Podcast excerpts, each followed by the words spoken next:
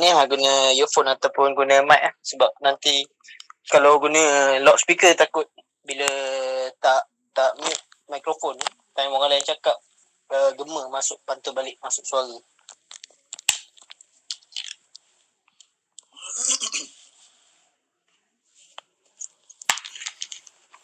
Dah boleh boleh kot. Bismillahirrahmanirrahim. Assalamualaikum warahmatullahi wabarakatuh. Ustaz, jelas tak saya? Jelas. Jelas, jelas. Jelas. Sekejap. Suara Daniel ada, suara Aiman ada. Alright. Uh, clear. Clear. Okay, cantik. Okey. Jadi sebelum kita mulakan untuk malam ni, uh, terlebih dahulu selamat selamat datang kepada pendengar-pendengar. Uh, malam ni sempena memperingati uh, pemergian uh, salah seorang tokoh besar seniman uh, negara kita, Allah yarham uh, Tan Sri Teuku Zakaria binti Teuku nak Teuku nak putih. Dia teku sebenarnya. Tengku. Tuiku, Tapi- tuiku. Bukan Ah, tengku, tuiku. Teko tu di di Aceh sama dengan Tengku lah kat sini. Uh, Sebab dia memang bangsawan di Aceh. Sebelum ayah dia pindah ke Pulau Pinang dan dia lahir di Pulau Pinang. Jadi nama nama yang biasa kita dengarnya Piramli. Ha, Sampai orang sebahagian besarnya kalau kita beritahu uh, nama betul Piramli ni dia tak kenal. Ha, jadi kalau kita sebut nama penuh Piramli orang macam eh Mah datang Piramli yang tu nanti mungkin uh, panel kita malam ni boleh cerita lah mana datang nama Piramli tu. Okey, sebelum tu uh, saya akan perkenalkan dulu uh, panelis kita untuk malam ni. Uh, pertama kita ada saudara Aiman, saudara Aiman Hakim. Uh, Ya, ya. Saudara, okey, saudara Aiman Hakim ni saya bacakan sedikit eh, dia punya biodata. Aiman ni merupakan salah seorang penulis The Patriot juga uh, dan buku yang dihasilkan Titanic di hujung jari. Ke salah tajuk? betul, betul, betul. Tak betul eh? Uh-uh. Takut tersalah. Okey. Dan dia graduan diploma filem di sebuah IPT tempatan. Pernah jadi pembantu penyelidik bagi program yang berkaitan dengan filem Melayu klasik sejak 2018. Kemudian kita ada saudara Daniel. Okey. Pun penulis uh, The Patriot juga asal daripada Baling dan menjadikan kajian filem Melayu klasik sebagai salah satu hobinya. Jadi dan merupakan pengkaji filem Melayu hitam putih dan uh, bergiat dalam sebuah page di laman uh, di page di Facebook uh, repair gambar lama. Kalau pernah terjumpa page tu di Facebook, uh, itu salah seorang penyelenggara page tu ialah saudara Daniel kita.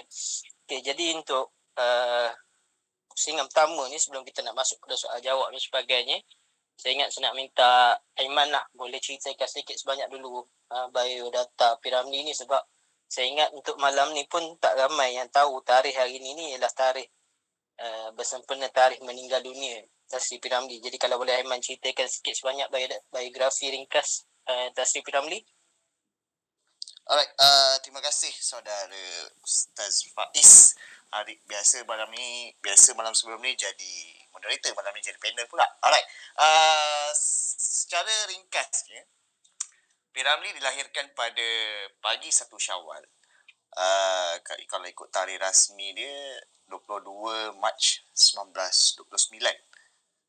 Uh, dan tarikh 1 Syawal itu dia ada konflik sedikit sebab uh, menurut buku uh, Gagak di Rimba dia lebih kurang 29 ataupun 27 tapi kita tarikh rasmi dia 22 Mac 1929 uh, Piramli mula uh, bersekolah di Penang Free School iaitu antara sekolah tertua di Pulau Pinang yang juga sekolah tertua di Malaysia.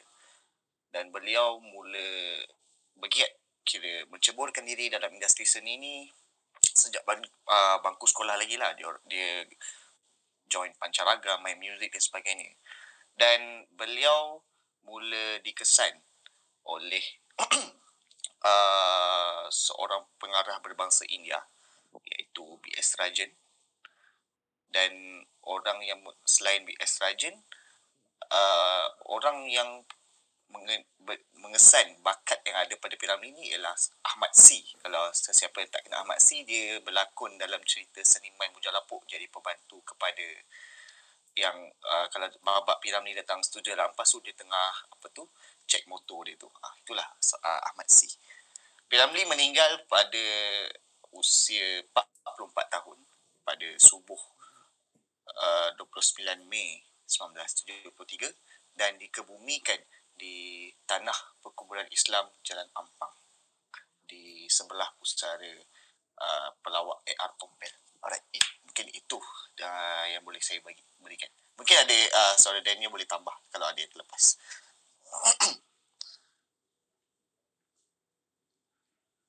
Uh, Daniel, kalau boleh ceritakan uh, kalau boleh ceritakan pada pendengar kita malam ni daripada mana nama pentas Piramli yang digunakan oleh Allah Yarham ni uh, muncul.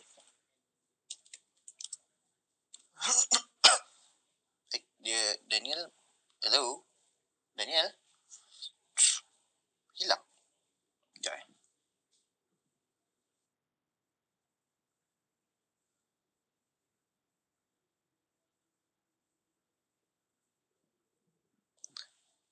Saudara Daniel mungkin ada mengalami uh, ni kot ada Okay. pro ada okey Sementara tunggu Daniel masuk, Aiman boleh sambung sikit cerita Okey. tentang Ap- uh, nama pentas. Nama pentas Tan Sri Piramli ni datang daripada mana? P itu merujuk kepada putih. Putih. Uh, na, uh, bersempena dengan nama ayah dia lah. P uh, putih. Ramli ni uh, uh, okay, okay, saudara Daniel dah masuk. Mungkin dia boleh sambung. Uh, so Daniel, Yo, yo. ah uh, tadi uh, uh, explain macam mana kenapa uh, nama dia guna nama P Ramli. Aku dah explain pasal P tu dan kenapa dia guna nama Ramli. Boleh explain? Oh, okey. Uh, okey. Assalamualaikum uh, kepada semua pendengar uh, yang mana hadir pada malam ini. Okey, first of all saya kenalkan diri dululah kan. Okey, uh, nama saya Daniel Aziz Ahmad. Uh, merupakan seorang peminat uh, sejarah filem Melayu. Saya tak mempunyai apa-apa latar belakang sebagai pelajar bidang filem ataupun kewartawanan. Uh, saya juga uh, tiada sebarang uh, apa-apa pertalian darah lah dengan mana-mana sinema dan sinwati ni.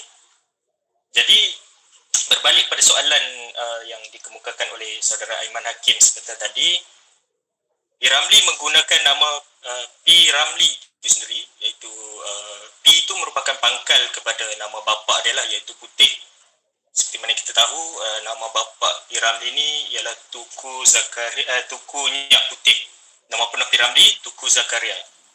Jadi nama nama nama betul dia Tuku Zakaria bin Tuku Nyak Putih.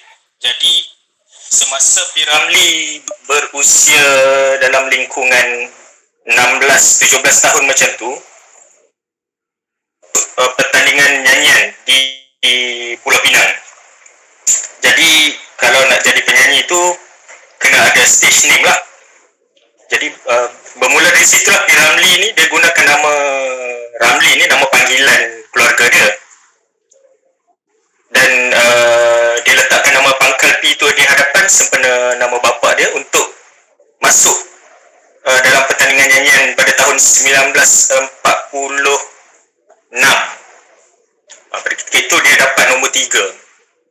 Tahun 47 dia masuk lagi sekali dia dapat nombor 2 dan tahun 48 dia dapat nombor 1. Dan uh, dari situ P. Ramli ni mula gila uh, nama dia lah sebagai seorang penyanyi dia mula establish di Pulau Pinang. Banyak band dia masuk. Uh, salah satunya band yang dia pernah uh, masuk dan uh, agak popular di Pulau Pinang nama band tu Keroncong Teruna Sekampung. Jadi uh, di Pulau Pinang P. Ramli dia belum lagi jadi artis. Dia menyanyilah di sekitar Pulau Pinang ni. Dan pada tahun 1948 tu juga satu peristiwa telah berlaku lah di mana ketika P. Ramli uh, menyanyi sedang menyanyi di uh, satu festival di Bukit Mertajam Piramli telah disapa oleh uh, BS Rajan seorang pengarah filem Melayu yang datang dari Singapura untuk membuat uh, talent scouting uh, BS Rajan ni dia datang dengan Ahmad Si lakon Ahmad Si Ahmad Si ni kalau uh, tuan-tuan nak tahu dia yang jadi dalam filem ibu mertuaku tu dia yang jadi partner kepada Piramli yang dia duduk serumah dengan Piramli. Ha, itulah Ahmad Si. Ahmad Si ni yang approach Piramli suruh dat uh, dekat backstage supaya datang untuk jumpa BS Rajan ni dan selepas tu BS Rajan offer pekerjaan kepada Piramli ni sebagai playback singer dan dia telah berikan uh, dua tiket uh, kereta api dan duit belanja sebanyak RM15 kepada Piramli untuk datang ke Singapura lah untuk sesi audition.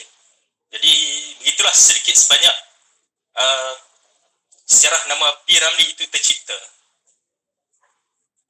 Okey. Uh, sebelum kita masuk pada soalan-soalan yang lain, ni soalan nakal sikit saya nak tanya pada Daniel. Uh, betul ke orang kata disebabkan penggunaan nama Piramli ni jadi sepanjang sepanjang hayat Allah Yarham ni dikatakan bila orang cuba nak hantar benda tak elok, orang cuba nak buat gangguan dan sebagainya tak kena sebab bukan nama dia betul. Orang tak tahu nama sebenar dia. Ni antara urban legend okay. ni kita pernah dengar pasal Piramli ni. Okey, sebenarnya uh, waktu Piramli pergi ke uh, Singapura pada tahun 1948 tu, uh, bapa dia telah berpesan kepada dia supaya uh, jaga diri baik-baik kan misalnya orang tua kan kalau nak kita nak berhijrah ke luar daripada kampung halaman kita orang tua kita akan bagi pesanan lah jadi dalam salah satu pesanan yang bapa Piramli ni pesan dekat dia supaya jangan uh, reveal uh, nama sebenar. Gunakan nama samaran. Supaya benda tu nanti boleh menjaga diri dia di kemudian hari lah. Dan Piramli pun uh, berhijrah lah ke Singapura pada 8 Ogos tahun 48 bersama sahabat dia nama Sukardi naik kereta api. Jadi uh, bila di Singapura Piramli ni sebagai anak dagang kita tahu anak dagang ni dia kalau pergi tempat orang ni ramailah yang uh, cuba nak try kan. Uh, ada tak puas hati ke apa memang adalah kisah-kisah Piramli ni apa dihantar uh, sesuatu kan melalui apa ilmu-ilmu gaib ni kan. Jadi bila orang tu dia nak santau Piramli benda tu memang tak sampai lah sebab uh, yang dia nak santau tu Piramli bukan Tuku Zakaria bin Tuku Nyak Putih ni. Jadi nama tu sendiri telah secara teknikalnya telah menjaga uh, Piramli itu sendirilah Tuku Zakaria ni. Dan sebab itulah uh, ada diceritakan tentang kisah-kisah di mana Piramli ni hendak disantau dan sebagainya. Tapi benda tu ibarat macam taklut lah jadi Piramli pun sendiri dia cakap uh, Allah Ta'ala yang melindung dia lah. Dia tak pakai apa-apa pun. Dan uh, kisah di mana nama Tuku Zakaria bin Tuku Nyak Putih ni mula orang tahu adalah ketika mana di hari meninggalnya Piramli itu uh, ketika Tuan Imam sedang membacakan talqin di tanah perkuburan Islam Jelampang. Waktu itulah orang ramai tahu yang Piramli ini nama sebenarnya bukan uh, Ramli tapi Tuku Zakaria bin Tuku Nyak Putih. Jadi okay, di situlah baru uh, uh, boleh review kot siapa Tuan Imam yang dimasukkan tu? Oh, uh, imam uh, di yang bertugas pada uh, ketika itu ialah uh, Allahyarham M. Rajoli. Uh, pada, pada ketika itu beliau menjadi uh, salah seorang imam di Masjid Jamek Kampung Baru dan pada hari kematian Piramli itu beliau yang membacakan talqin uh, di tanah kuburan Islam. Dan uh, di saat itulah baru tersebarnya uh, nama Piramli, nama sebenar Piramli itu. Dan uh, kepada saya harap uh, dapat jawablah soalan ni uh, ni lah kembali kepada tuan moderator Okey. InsyaAllah kita, saya pun baru tahu malam ni yang baca talqin tu Allah Yarham Imam Rajuli. hmm. Ha, ini, ini pun benda yang saya pun baru tahu malam ni. Okey. Hmm. Jadi kita berbalik kepada uh, soalan-soalan kita untuk kita bincang kepada malam ni. Yang ni saya nak tujukan kepada Iman, kembali kepada Iman. Uh, adakah royalty hasil kerja Piramli ni masih dibayar kepada waris Piramli? Dan kalau Oh. boleh cerita lebih kurang siapa waris Piramli masih ada sekarang? Alright, terima kasih uh, Tuan Moderator. Bab-bab royalty Piramli ni memang agak panas dan sering diperkatakan setiap tahun. Tapi kita kena faham bagaimana isu royalty dulu. Saya nak ceritakan bagaimana isu royalty.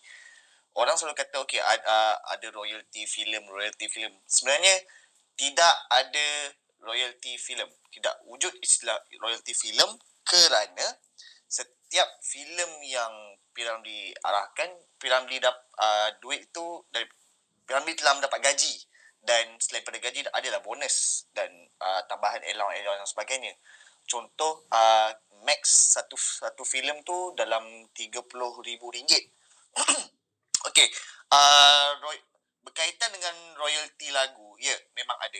Royalty lagu memang ada dibayar ke warisnya setelah Piramli meninggal dunia. Uh, royalty itu dibayar uh, kepada keluarga keluarganya iaitu anaknya iaitu Nasir Piramli. Dan walaupun kita tahu Piram, uh, Piramli ada anak-anak yang lain macam Sazali, Sabarudin, uh, Nasir ada memberikan wang royalty royalty itu membahagikan uh, royalty royalty itu sedikit sebanyak kepada mereka dan uh, royalty ini dijangka akan tamat pada 2023 Se- uh, 2023 dan uh, selepas daripada itu dia menjadi public domain lah Alright, uh, itu sahaja Okey, uh, saya nak tambah sikit.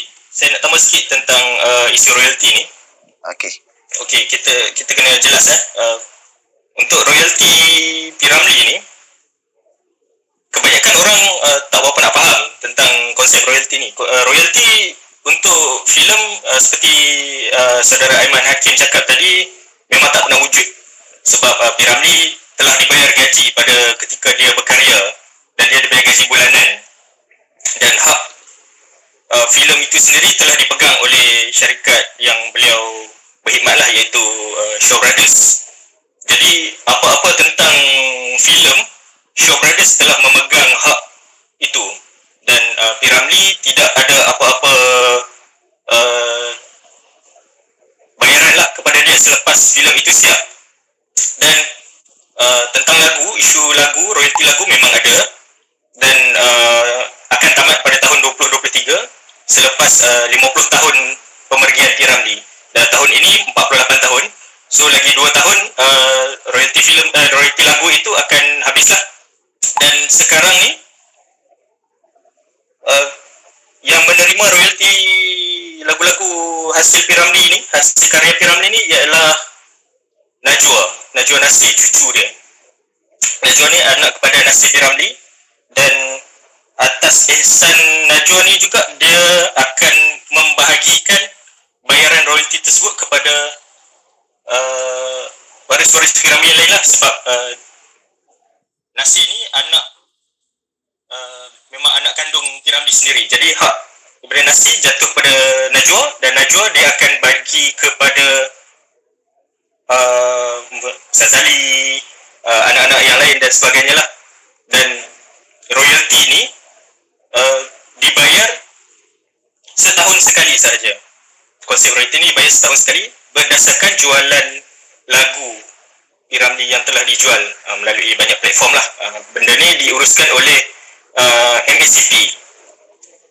Jadi setiap tahun tu uh, adalah uh, beberapa amount duit dia tak tak sama eh. setiap tahun tak sama dia bergantung pada jualan lagu tu dan kemudiannya daripada situlah uh, beliau akan uh, diberikan bayaran itu akan diberikan kepada Najwa dan uh, contoh kalau tahun 2021 ni contoh eh uh, duit royalty tu katakanlah dalam dalam RM5,000.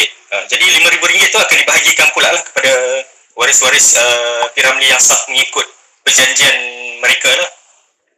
Dan okey, setakat itu dulu. Okey, cerita pasal waris Piramli. Uh, mungkin ramai yang pernah agak familiar lah dengan uh, filem Anakku Sazali. Jadi mungkin ramai orang ingat uh, Piramli ni anak dia seorang tu je Sazali. Yang ni saya buka pada Aiman ataupun Daniel untuk ceritakan lebih kurang siapa anak-anak dan uh, waris-waris Piramli yang yang ada. Ah, uh, siapa jawab? Ah, uh, hang ke aku? Hang lah dulu. Okey. Okey. Ah, uh, anak pertama Piramli ya uh, okey. Piramli uh, sebel ada seorang anak tiri iaitu bersama dengan Junaidah. Uh, dan okey kita ke waris kandung, waris kandung iaitu Nasir Piramli.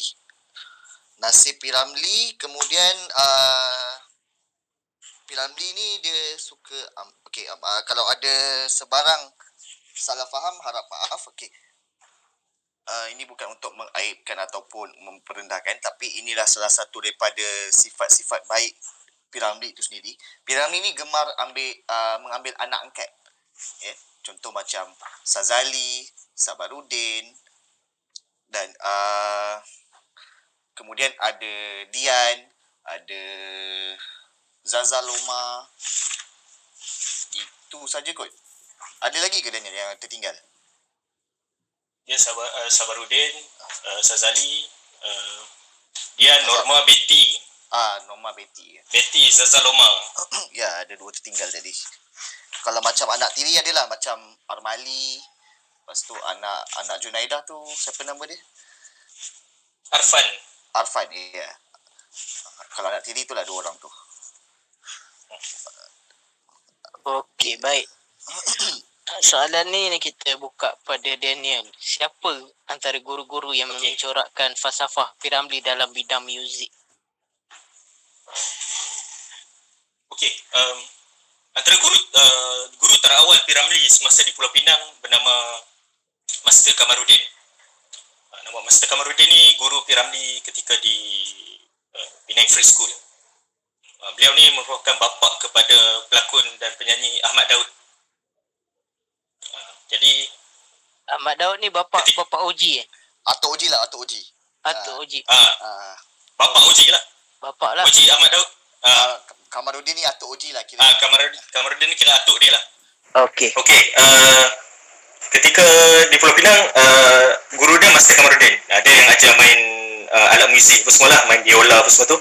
Kemudian, apabila Piramli berhijrah ke Singapura pada tahun 48 tu, Piramli berada di Singapura uh, seawal umur uh, seawal usia 19 tahun. Sangat muda. Beliau berada di sana selama 16 tahun. Dan selama 16 tahun itu Piramli banyak berguru dengan Zubir Said, Osman Ahmad dan Yusuf B. Mereka ini tiga orang ini merupakan guru Piramli dalam bidang muzik lah yang memberi influence banyak tentang Piramli tentang uh, sejarah uh, lagu-lagu tentang apa keroncong dan sebagainya. Dan seperti mana yang kita pernah dengar Piramli sendiri dalam satu temu bual yang agak pernah tular di media sosial di mana beliau mengatakan yang uh, muzik-muzik tradisional ini harus ditanam di dalam dada uh, anak-anak muda kerana uh, di dalam dada mereka itu kosong. Dan uh, perkara ini benar kerana uh, Piramli pengaruh dia pengaruh terbesar dia dalam bidang uh, membuat lagu ini datang daripada Osman Ahmad dan Yusuf P. Kerana mereka berdua ini bertugas di bila dikatakan elemen-elemen Islamik yang Piramli cuba terapkan misal contoh dalam filem uh, Semerah Padi dikatakan ini hasil didikan Piramli yang pernah berguru dengan Syekh Abdullah Fahib atuk kepada Tunku sorry atuk kepada Tun Abdullah Badawi jadi benda ni betul ke ataupun dia sekadar urban legend saja? Ah, okay, uh, boleh saya jawab. Okay, sebenarnya betul. Piramli ada berguru dengan Syekh Abdullah Fahim iaitu dat, uh, Datuk kepada Tun Abdullah Badawi atau Pak Lah. Dari sudut keagamaan uh, like kalau di Penang uh, sebelum Piramli menjejaki ke Singapura, Piramli banyak berguru dengan beliau lah mengenai ilmu-ilmu keagamaan dan sebagainya. Kalau di Singapura, Piramli banyak rujuk dengan Haji Mahadi atau uh, pelakon Haji Mahadi antara antara sumber rujukan dia lah. Ha, kalau yang tak kenal Haji pelakon Haji Mahdi yang berlakon yang berlakon sebagai watak Abdul Wahab di dalam Tiga Abdul. Dan juga ada beberapa pelakon lain lagi yang agama ni tinggi. Piramli sering mengambil uh, rujukan mereka dulu lah sebelum membuat sesuatu yang berkaitan dengan agama. Begitulah cerita dia. Hmm, tentang Semirah Padi ni, uh, saya nak jelaskan uh, tentang lagu eh, tadi. Uh, Tuan Muda kata, lagu penciptaan lirik lagu di dalam filem-filem uh, dalam filem Semerah Padi uh, telah dibuat oleh uh, Jamil Sulong. Jamil Sulong ni beliau merupakan seorang ahli bahasa, ahli pesuratan di mana beliau pernah terlibat secara langsung di dalam gerakan sastra asas 50 di Singapura pada awal tahun 50-an.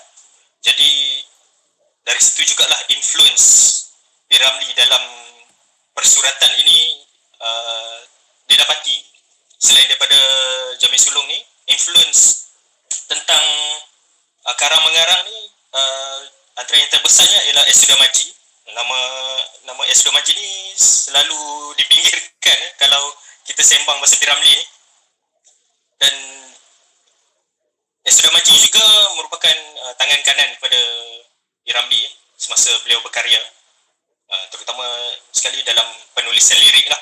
Uh, Piramli dia hanya membuat uh, lagu, dia kompos lagu. Uh, Sudah Majim yang membuat lirik dan Jamil Sulung juga banyak membantu Piramli. Mereka berdua ni uh, Sudah Majid dan Jamil Sulung ni banyak membantu Piramli dari sudut penulisan lirik yang kebanyakan lirik-lirik Piramli di Singapura semasa beliau berkarya di Singapura memang uh, kuat dipengaruhi oleh dua orang individu ini.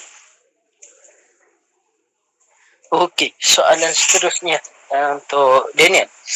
Okay. Uh, bagaimana kita ketahui beberapa bulan yang lepas lah pernah kecoh sekejap uh, bila ada seorang YouTuber daripada Indonesia mendakwa Piramli ni uh, berasal daripada Indonesia sebab ialah kalau kita tengok kan tadi kita ada sebut yang bapa beliau tu memang berasal daripada Aceh dan pindah ke Pulau Pinang sebelum dia lahir di Pulau Pinang Cuma nak tahu apa yang menyebabkan Piramli ni boleh terkenal juga di Indonesia. Oh, okey. Bagaimana Piramli boleh terkenal di Indonesia? Ketika Piramli menjadi pengarah, dia jadi pengarah pada tahun 1955. Filem pertama dia iaitu Benari Beca. Dan kemudian beliau membuat filem lepas satu satu filem. Okay. Jadi orang Indonesia mm, gemarkan Piramli ni sebab uh, salah silah keturunannya itu memang dari Aceh lah. Dan filem-filem Piramli ini pada ketika itu di tahun 50-an dan 60-an, filem-filem Piramli ini saja yang boleh menembusi pasaran Indonesia. Jadi sebab itulah orang-orang di Indonesia uh, dapat mengenali Piramli ini. Tetapi tak semua orang di Indonesia suka Piramli. Saya bagi contoh satu. Piramli ketika beliau berkarya kebanyakan filem-filem dia filem-filem yang boleh dikatakan bercorak ringan lah dia buat filem kebanyakan dia buat filem-filem komedi kan dia lebih sangat terkenal dengan filem komedi walaupun ada juga filem-filem tragik dia tapi Piramli memang akan sebut uh, Bujang Lapuk, Musang Berjanggut uh, berbanding orang sebut uh, Semerah Padi ataupun Ibu Mertuaku di Indonesia Okey. Pada ketika itu, tahun 50-an 60-an tu, sutradara di Indonesia ni, dia tak ngam dengan Piramli. Sebabnya, filem-filem filem-filem Piramli ini yang dibuat uh, secara orang kata ringan lah, uh, filem-filem ringan ni, sangat diminati di Indonesia. Berbanding filem-filem yang dibuat oleh sutradara di Indonesia sendiri. Jadi orang-orang Indonesia pada ketika itu sutradaranya lah tidak gemarkan piramid ditayangkan di Indonesia sebab uh, yalah uh, orang di sana semangatnya lain macam. Eh, kiranya uh, lebih kurang kalau kalau nak simple kita kata macam Piramli Sailang orang sana lah. Ah lebih kurang macam tu lah cerita dia. Uh, dan uh, di Indonesia ketika itu uh, filem-filem di sana agak berat. Jadi orang susah nak terima tentang tu. Dia sebab uh, salah satu sebabnya uh, semangat di Indonesia dia melawan Belanda. Jadi filem-filem di Indonesia pada ketika itu yang kebanyakannya di di sutradara sutradarai oleh uh, Usmar Ismail. Usmar Ismail ni kalau di Malaysia bapa perfilman kita Piramli. Uh, di Indonesia Usmar Ismail, bapa perfilman Indonesia. Uh, dia ni dia belajar filem. Dia masuk sekolah filem lah. Uh, dia belajar tentang teknikal apa semua. Piramli tak belajar filem. Tak pernah masuk sekolah filem. Dia belajar filem uh, berdasarkan pengalaman dia bergaul dengan orang semua tu. Dan Usman Ismail ni merasakan dirinya lebih bagus daripada Piramli lah. Of course lah, dia belajar sekolah filem pun kan. Dia belajar formal. Uh, dia ada apa kelulusan formal uh, perfilman. Bila filem Piramli laku di Indonesia, dia pegang lah. Dan uh, oleh sebab itulah uh, ada sedikit uh, macam uh, dingin jugalah hubungan mereka berdua ni. Uh, antara Usman Ismail dan Piramli. Dan kisah uh, dia punya kemuncak dia pada festival filem di Tokyo pada tahun 63 pada ketika itu kita tahu kan 63 tu kebetulan pula time tu konfrontasi. Jadi semangat uh, anti Malaysia ni memang sangat tinggi. Benda tu terbawa-bawa oleh uh, delegate uh, Indonesia untuk tidak memberi dua mata kepada Piramli supaya dia boleh menang uh, anugerah pelakon lelaki terbaik di festival itu. Tetapi Piramli pulang membawa anugerah Most Versatile Talent yang tidak ada siapa pun yang pegang anugerah itu sebelum uh, tahun 63 dan Piramli menang tahun 63 tu dan sehingga kini tak ada seorang pun yang menang anugerah tu balik. Hanya Piramli seorang je dalam dunia ni yang pegang anugerah Most Versatile Talent tersebut. Yang itu kita sebagai rakyat Malaysia perlu bangga lah dalam dunia ni Piramli seorang je dapat pegang tu. Okay, bila ni ada sebut sikit tadi tentang uh, konfrontasi Indonesia Indonesia tahun 63 uh, jadi penerimaan rakyat Indonesia sendiri yang tadi tu pergeseran antara delegate Malaysia dengan uh, delegate Malaysia di Festival Film Tokyo. Jadi penerimaan filem Piramli di Indonesia selepas konfrontasi itu adakah dia ter, uh, turut terjejas juga? Okey. Apabila peristiwa konfrontasi berlaku, eh, peristiwa konfrontasi berlaku pada tahun 63 sampai 66. Piramli uh, ketika itu berada di kemuncak karier dia. Tahun 63 tu dia menang Most Versatile Talent. Uh, dia menang anugerah uh, 64 tahun 64 dia menang anugerah uh, filem komedi terbaik untuk filem Madu uh, Madu 3 dan uh, nama Piramli ni sebenarnya uh, di luar memang sudah terkenal lah oleh uh, mana-mana filmmaker di serantau Asia ni. Jadi di Indonesia penerimaan filem-filem Piramli ni sewaktu zaman konfrontasi uh, mendapat sambutan di Kepulauan Sumatera. Satu salah satu sebabnya sebab mereka merasakan Piramli itu sebahagian daripada mereka lah. Seperti yang saya katakan tadi Piramli mereka klaim Piramli itu berdarah Aceh saya tak nafikan lah benda tu kan sebab bapa dia sendiri pun berdarah Aceh. Kemudian uh, atas sentimen itu mereka masih uh, meminati filem-filem Piramli ini. Dari Aceh sampai ke Lampung bandar Lampung di bawah di selatan tu. Tetapi penerimaan di kepulauan Jawa ni agak kurang. Uh, sangat kurang. Memang sebab uh, filem-filem Indonesia di ketika itu dibuat di uh, Betawi, Kepulauan Betawi ya, yang nama moden ni sekarang Jakarta. Di Kepulauan Borneo mendapat sambutan. Begitu juga di Kepulauan Sulawesi. Tetapi di Kepulauan Jawa ni saja yang tidak uh, kurang, kurang sikit lah. uh, penerimaan masyarakat uh, pada ketika itu mungkin atas faktor politik lah sebab uh, konfrontasi kan dia ibu negeri Indonesia di Jakarta jadi di situ mungkin sentimennya agak kuat tetapi tidak di kepulauan uh, Sumatera tidak di kepulauan Borneo tidak di kepulauan uh, Sulawesi. Uh, mereka masih apa menim, uh, meminati filem-filem Piramli ini dan uh, orang-orang sampai sekarang pun uh, orang-orang di kepulauan ini masih uh, ada yang meminati Piramli. Tetapi di kepulauan uh, Jawa itu sendiri uh, tidak. Uh, sehingga kini.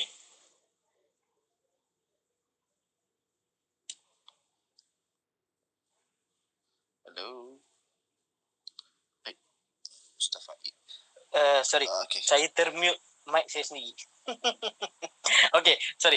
Uh, kalau di semua uh, Kepulauan Sumatera tu maknanya betul lah sebab kawan-kawan saya daripada Pekanbaru, daripada Riau, uh, mana lagi beberapa tempat lah dekat kat situ termasuk dah di uh, pulau Allah masa saya mak saya lupa dah pulau ni nama dia unik sikit.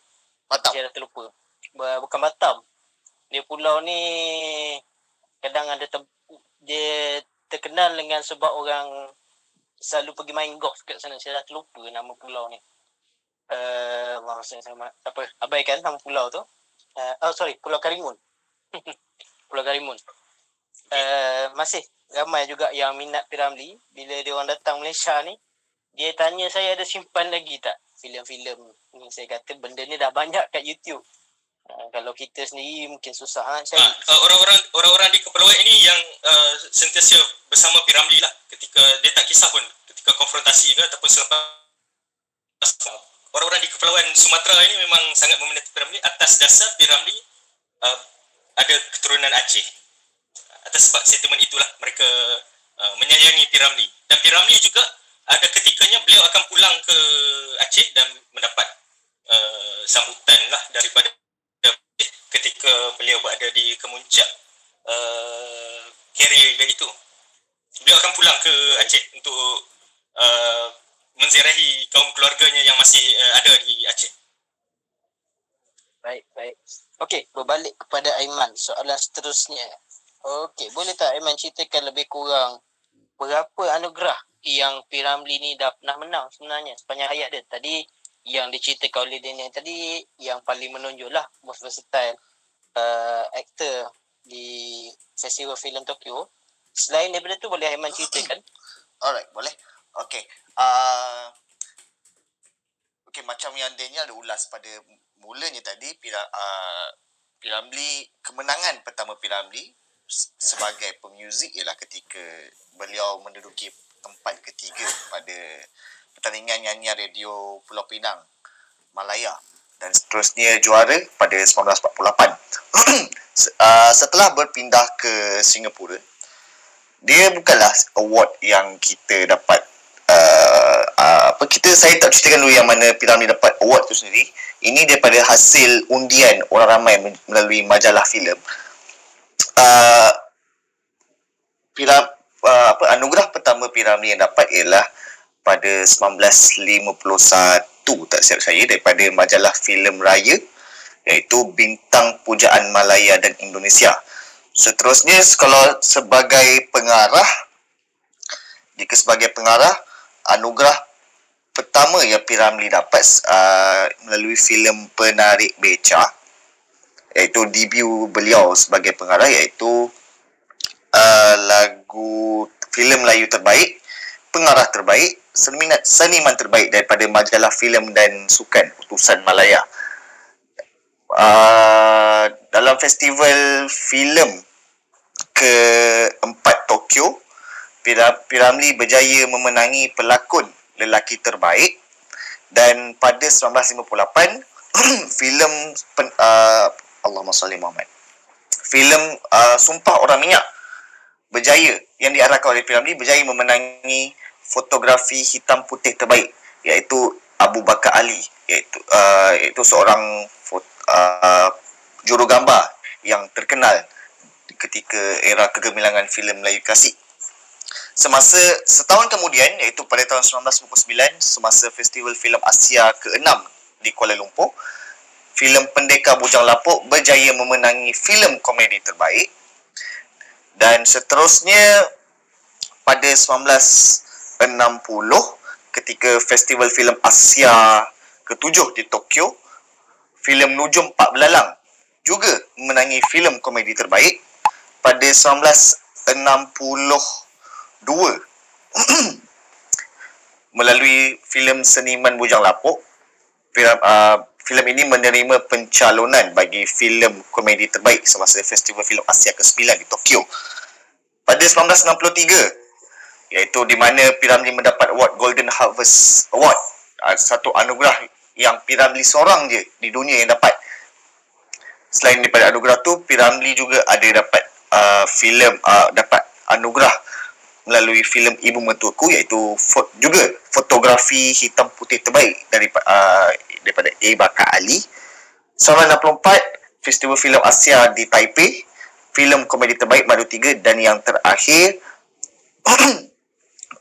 1965 fil- Festival Filem Dunia yang berlangsung di Paris iaitu anugerah khas filem Ibu Mertuaku. Dan seingat saya kalau di Merdeka Film Studio, filem Laksmana Doremi juga turut mendapat pencalonan semasa festival filem yang berlangsung di Kuala Lumpur di Singapura. Ada uh, mungkin saudara Daniel ada tambahan kalau ada yang tertinggal mungkin daripada majalah-majalah. Hmm. Um, Ah daripada majalah-majalah lah. daripada majalah ni uh, betul lah yang tadi tu yang seperti Aiman sebut uh, itulah anugerah-anugerah yang dimenangi oleh uh, Piramli uh, anugerah majalah ni dia ibarat macam lah ni macam anugerah bintang popular lah uh, yang diundi oleh uh, peminat-peminat jadi uh, ada ta- tadi uh, Aiman ada sebut uh, beberapa anugerah yang telah dimenangi oleh Piramli semasa uh, bertanding di Festival Filem Asia. Dan ada dua lagi uh, anugerah yang Piramli uh, menang iaitu pada tahun 1955 di Festival Filem Asia di Hong Kong yang ketiga. Uh, beliau mana telah memenangi anugerah penggubah muzik terbaik untuk filem Hang Tuah. Dan yang kedua Piramli telah memenangi anugerah uh, pelakon uh, lelaki terbaik di Festival Filem Asia berikutnya tahun 56 di Tokyo uh, menerusi filem Anakku Sazali. Jadi uh, scene uh, bapa dengan anak bergaduh dalam filem Anakku Sazali itu yang telah memikat hati juri. Uh, beliau memegang watak sebagai dua role lah bapa dan anak dalam satu frame di mana perkara itu apabila pihak juri menilai dia merasakan uh, terkesan di hati mereka dan uh, anugerah itu memang layaklah dimenangi oleh Piramli. Dan di anugerah yang di festival yang sama di Tokyo pada tahun 56 itu anugerah pelakon kanak-kanak diberikan kepada Tony Castello yang membawa watak Sazali di waktu kecil. Jadi uh, dua Sazali menang dua award pada pada tahun yang sama. Jadi itu merupakan satu kejayaan yang besar lah bagi uh, sejarah perfilman uh, Melayu pada ketika itu. Jadi keseluruhan kurang lebihnya kalau kita nak total up dalam berapa anugerah yang pernah di maknanya yang pernah diterima oleh uh, Piramli dan filem-filemnya. Hmm, Kalau di peringkat antarabangsa tujuh, tujuh anugerah. Uh, di peringkat uh, uh, lokal ni banyaklah tak terkira lah, terlalu banyak. Uh, kebanyakannya anugerah-anugerah yang saya katakan tadi lah, anugerah-anugerah uh, apa yang diundi ni. Uh, boleh dikatakan hampir setiap tahun Piramli akan menang. Uh, sebab Piramli ni terlalu popular di tahun 50-an ni. Kalau sebut nama Piramli ni, dia sangat uh, terkenal di seluruh tanah Melayu. Uh,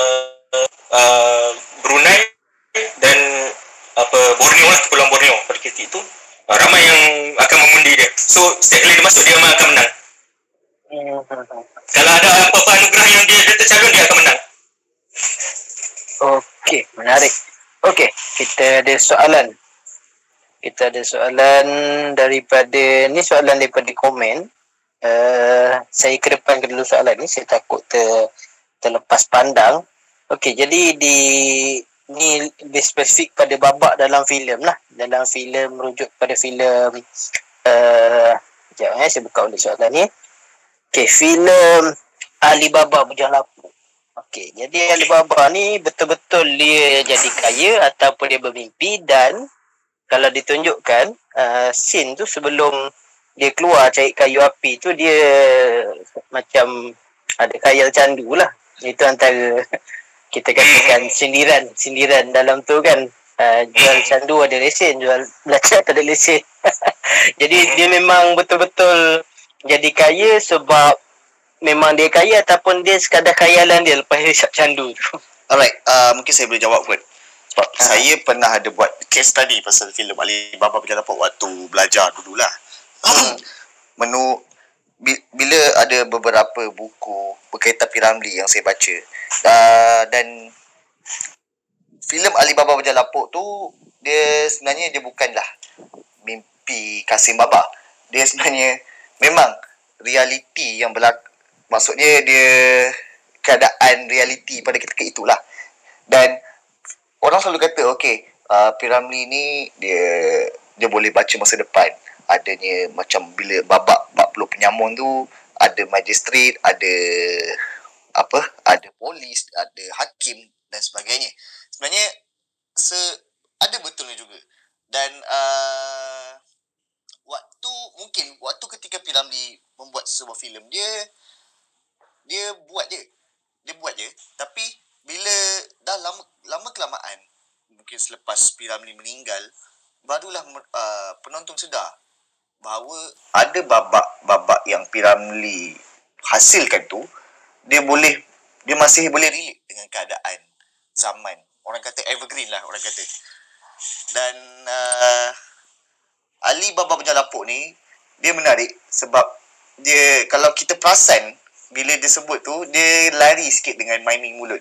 Dia ada cerita dia kenapa. Sebab filem Ali Baba Berjalan Lapuk ni mula dia waktu dia orang syuting dia apa nama memang dia guna dialog ada log- logat-logat Arab sikit dan terpaksa terpaksa apa di ban hampir di ban oleh lembaga pendapisan filem dan Piramli terpaksa dub semula se uh, kebanyakan uh, lat, uh, latar suara di dalam filem tu. Alright. Ada tambahan daripada Daniel mungkin?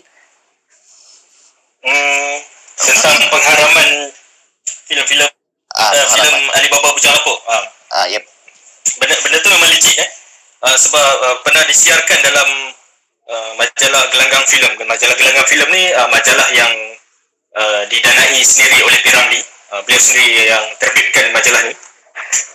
Okey, uh, untuk keluaran bilangan 91 majalah filem ni tahun uh, November 1960. Uh, Piramli sendiri dia tak tahu tentang pengharaman filem ni. Uh, dia dia tak faham lah kenapa filem ni boleh diharamkan kan.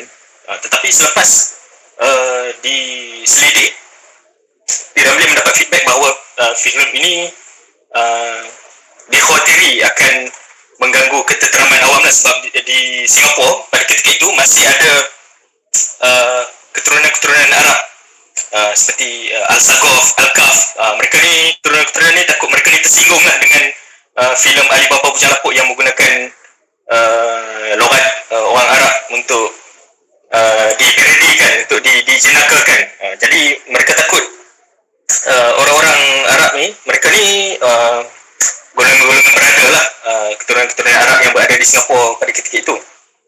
Mereka ni uh, dikhawatiri akan uh, membuat ni lah uh, bantahan dan sebagainya. Jadi sebab itulah uh, Piramid terpaksa membuat dubbing semula untuk filem ni dan uh, macam saudara Aiman cakap tadi memang ada uh, apa dialog yang di, dilontarkan dalam filem tu dia macam tak selari dengan uh, gerak bibir uh, para pelakon.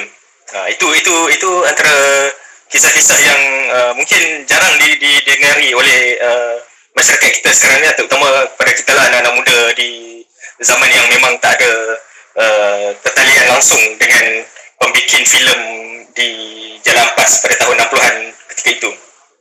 Dan itulah uh, kisah. Balik pada moderator. dia soalan soalan yang tadilah dia lebih pada plot cerita tu uh, maknanya daripada segi plot cerita Alibaba tu betul-betul dia memang jadi kaya ataupun disebabkan dia kaya candu dalam cerita Ah, tu tak, Betul- dia, dia, betul memang tak? dia memang dia memang betul jadi kaya lah.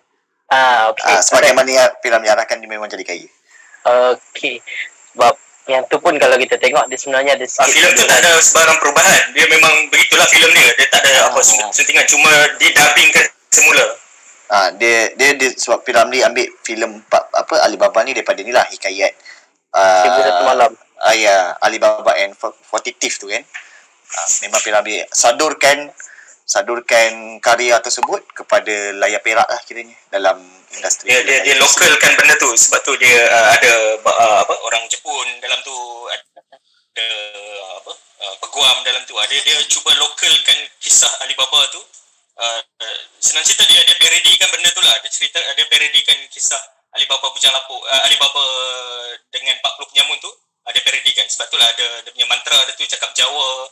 Uh, itu Piramli dia sengaja buat benda tu sebab dia nak uh, flavor local punya flavor tu ada. Sebab Piramli dia kalau buat filem dia buat filem bukan untuk diri dia. Dia buat filem untuk uh, masyarakat. Uh, kelompok masyarakat di luar. Uh, dia bukan buat ikut selera dia. Dia ikut selera orang uh, penonton. Uh, itu yang membezakan Piramli dengan pengarah-pengarah filem yang lain lah pada ketika itu. Saya tambah sikit. Uh, ada satu uh, watak iaitu Mamotarusan yang dilakukan oleh arwah uh, Erahim. Sebenarnya nama Mamotarusan tu uh, nama tak silap saya Adiwira Adiwira karya-karya di Jepun dan dia, kemudian legend, dia legenda Jepun ah legenda Jepun dan Piramli ambil nama Ma- Mamotarusan tu dijadikan sebagai watak pe- pelakon pembantu kepada Erahim. Ah, itu salah satu fakta je. berbalik kepada saudara Aiman. Jadi kalau kita tengok uh, dalam perjalanan seni Piramli ni ada beberapa ketika digambarkan hubungan dia dengan Jin Samsudin, Allahyarham Jin Samsudin. Eh, hidup lagi ke? Saya ni Dah- pandai dah, je. dah, dah meninggal dah meninggal. Ah, Ah, betul, eh? satu satu Mac Saya- 2017. Saya takut ter, tersalah mengarwahkan orang hidup lagi. Kan? Allah Jasuddin dah meninggal lah. Okey, dia dengan arwah Jin Samsudin ni macam ada sedikit hubungan yang agak dingin. Boleh terangkan tak kenapa? Alright, saya suka soalan ni sebab selain daripada isu reality, uh, hubungan uh, arwah Tan Sri Jin dan juga Tan Sri Piramli juga banyak diperbualkan. Dia benda ni mula menolak, mula tular selepas daripada satu rancangan dokumentari oleh syarikat TV swasta sekitar 2010 2011 macam tu. Dan menurut kata uh, Datuk Dr. Ahmad Nawab seorang rakan rapat Piramli di Kuala Lumpur dan juga di Pulau Pinang. Dia Piramli dan Jin Samsudin ni tak ada sebarang konfrontasi pun. Dan sebab apa? Malah Jin Samsudin sendiri mengakui bahawa Piramli ialah gurunya. Dan uh, dia mula timbul bila Piramli dah pindah ke Merdeka Studio uh, dan kemudian waktu tu dia uh, Piramli sekitar hujung 60-an ke 70-an tu dia Piramli nak tubuhkan Perfima. Dan kemudian ahli lembaga syarikat eh, lembaga pengarah syarikat nampak jeans ni balik daripada London. Orang kata waktu tu ialah balik daripada London mestilah ada ada orang kata ada standard dia kan daripada overseas kan sebab kalau nak dibandingkan dengan Piramli Piramli ni tak ada asas formal dalam filem pun. Itu mungkin stigma bukan daripada saya tapi daripada stigma pada ketika itulah. Jadi di situlah timbulnya menurut cakap-cakap orang luar konflik sedangkan tiada apa pun Piramli berbesar hati. Berbesar hati uh, untuk memberi jeans peluang untuk naik ke atas dan Piramli keluar.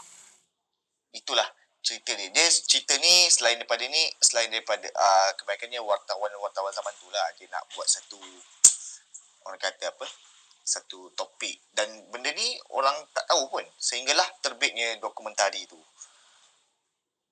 Kiranya ni macam uh, saya nak tambah sikit ya lah. uh, Ah, okey. okey. tentang tentang tentang Jis dengan Piramli tadi saya tak dengar uh, Ah. apa tuan moderator cakap. Ah dia semua apa uh, Okey, uh, aku dah explain pasal perfima tu dan uh, Okay. guru pasal yang jeans ialah guru dia apa Piramli guru dia dan boleh uh, apa boleh sambung lah boleh sambung lah. Ya. Oh, okey. Uh, tentang uh, apa? Kononnya Piramli tak tak tak ngam dengan jeans. Okey, uh, benda ni sebenarnya uh, seperti saudara Aiman cakap tadi tak tak ada isu sangat pun tentang uh, Piramli dengan jeans ni dan uh, jeans sendiri uh, apabila beliau uh, diangkat menjadi pengarah beliau telah mengambil Piramli berlakon bersamanya dalam dua buah filmnya iaitu Di Sebalik Tabir uh, dan juga Bukan Salah Ibu Mengandung. Dan watak Piramli di dalam itu pun watak yang terhormat. Uh, watak seorang polis dan watak seorang bapa. Jadi dari situ kita nampak uh, Piramli ni uh, Jin Samsudin begitu menghormati Piramli sebagai guru dia. Tapi uh, perkara ini disalahartikan oleh setengah pihak uh, selepas uh, timbul uh, sebuah dokumentari yang menceritakan tentang kisah riwayat hidup Piramli ni uh, dokumentari itu sebenarnya dia dia nak menonjolkan sisi kesedihan hidup Piramli ni uh, tetapi bila difikirkan kembali input daripada Jin Samsudin itu tidak disiarkan di dalam dokumentari tersebut padahal Jin Samsudin masih hidup pada waktu itu. Dan bukan Jin Samsudin saja. Beberapa orang lagi rakan rapat Piramli yang masih hidup tidak ditonjolkan di dalam dokumentari tersebut. Sebagai contoh Abdullah Hussein sastrawan negara kita. Abdullah Hussein ni merupakan uh, sahabat Piramli yang kata Piramli uh, Cik Lah dia panggil Abdullah Hussein ni Cik Lah. Cik Lah ni sahabat dia yang paling dia boleh percaya. Boleh simpan rahsia dan sebagainya dan sebab itulah uh, Piramli telah menyerahkan uh, pengurusan majalah gelanggang filem ni kepada Abdullah Hussein untuk menguruskan uh, majalah filem sewaktu Abdullah Hussein berada di Singapura pada tahun uh, 1958 sehingga 1960 jadi Abdullah Hussein ni juga merupakan uh, individu pertama yang menulis uh, riwayat hidup Piramli ketika Piramli hidup. Jadi uh, kisah uh, kehidupan Piramli ni telah dibukukan pada tahun 1966 oleh uh, penerbitan angkatan baru. Uh, tajuk buku yang diterbitkan itu ialah uh, Gagak di Rimba. Dan buku ini diterbitkan semasa Piramli masih hidup. Dan ketika Abdullah Husin mencatat perjalanan hidup Piramli ni, beliau akan suruh Piramli simak dulu. Benda yang ditulis ni boleh uh, sia ataupun tidak. Uh, Piramli akan mengesahkan uh, kisah tu baru akan diterbitkan. Jadi menurut buku Gagak di Rimba ni tidak ada sebarang isu tentang Jin Samsudin. Malah Piramli juga uh, memuji uh, anak muda yang bernama Jin Samsudin ni sebagai seorang pelakon yang baik, ada disiplin dan ada uh, misi dan visi yang tersendiri dalam uh, lapangan filem ni. Jin Samsudin ni seorang pelakon yang sangat menjaga disiplin. Tak ada masalah disiplin langsung. Kalau Piramli nak dia datang pukul uh, 8 pagi, pukul 8 pagi dia akan terpacak dekat set. Piramli punya hormat kepada Jin Samsudin. Padahal uh, umur Jin Samsudin dengan Piramli ni uh, agak jauh beza dia. Tetapi um, saya tak saya tak pasti uh, kenapa uh, dokumentari tersebut uh, tidak menyiarkan uh, apa-apa uh, input uh, sama ada dari sudut uh, uh, interview uh, ataupun uh, petikan uh, kata-kata dia dari yang pernah tersiar di akhbar ataupun majalah dan sebagainya. Jadi uh, senang cerita tak adil lah kepada Jin Samsudin kalau kita nak jatuh hukum dekat dia dia ni yang tikam Piramli. Sebenarnya tak tak ada isu pun tentang tu. Cuma Piramli dan Jin Samsudin ada sedikit perbezaan pendapat tentang uh, beberapa perkara semasa Piramli menjadi uh, presiden uh, Persatuan Artis Melaya bersama yang uh, memayungi golongan-golongan artis pada tahun 1950-an. Jadi ada uh, sedikit uh, salah faham lah dekat situ. Yang salah faham tu pun sebenarnya tentang uh, isu uh, pekerjaan, isu datang lewat dan sebagainya. Itu je. Uh, sebab uh, Jin Samsudin ni dia seorang yang menjaga ketepatan masa. Dan dia juga yang membawa usul uh, di mana pelakon-pelakon ni dia perlu ada waktu bekerja yang uh, fix. Dia tak boleh nak fleksibel. Macam Piramli. Piramli suka waktu kerja yang fleksibel. Uh, Piramli dia bekerja mengikut uh, ilham. Uh, ilham dia. Kalau pukul uh, 11 dia nak start shooting pukul 11 lah dia nak start shooting uh, kalau pukul 4 petang dia nak baru nak start shooting uh, barulah dia panggil kru-kru dia semua pukul 4 petang tetapi Jin Samsudin uh, nak satu uh, undang-undang dibuat di mana para-para pekerja ni sama ada pelakon, kru ataupun uh, ahli muzik mereka buat kerja 8 pagi 5 petang. Uh, dia nak macam tu. Waktu malam tak boleh ganggu. Uh, dia nak macam tu. Tetapi Piramli tidak. Piramli dia membuat kerja seperti yang saya katakan tadi dia membuat kerja daripada ilham dia. Kalau dia buat malam dia buat dia akan syuting malam.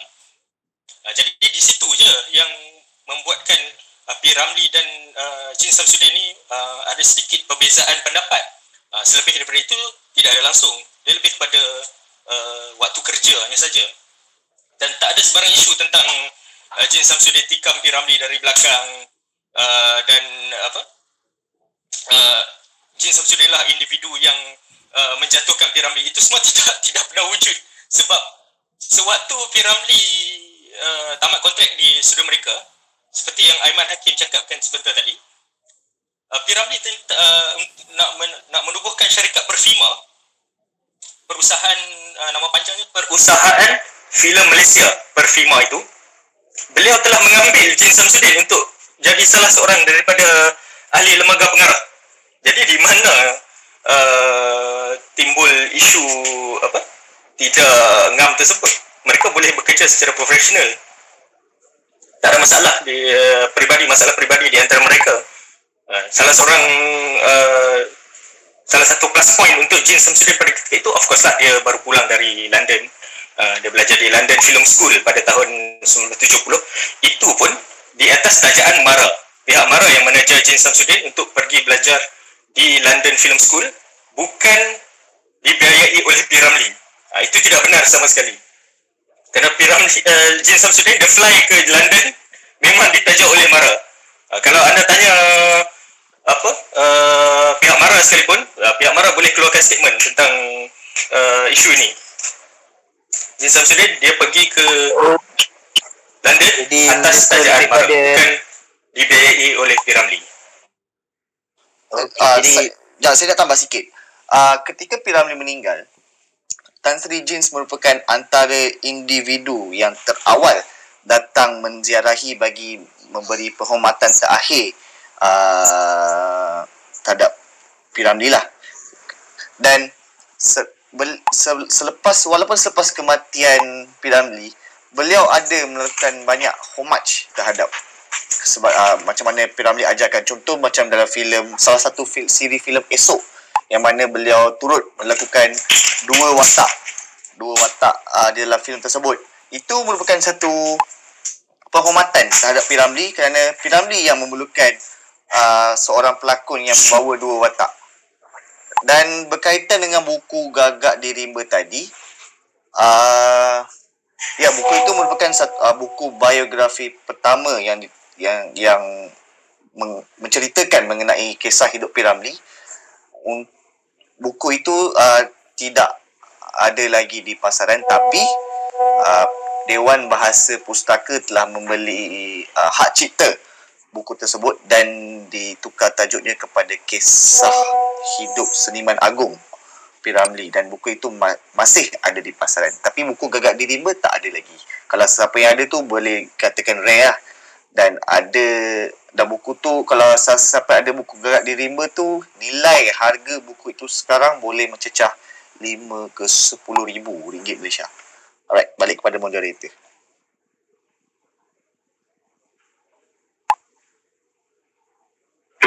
alright.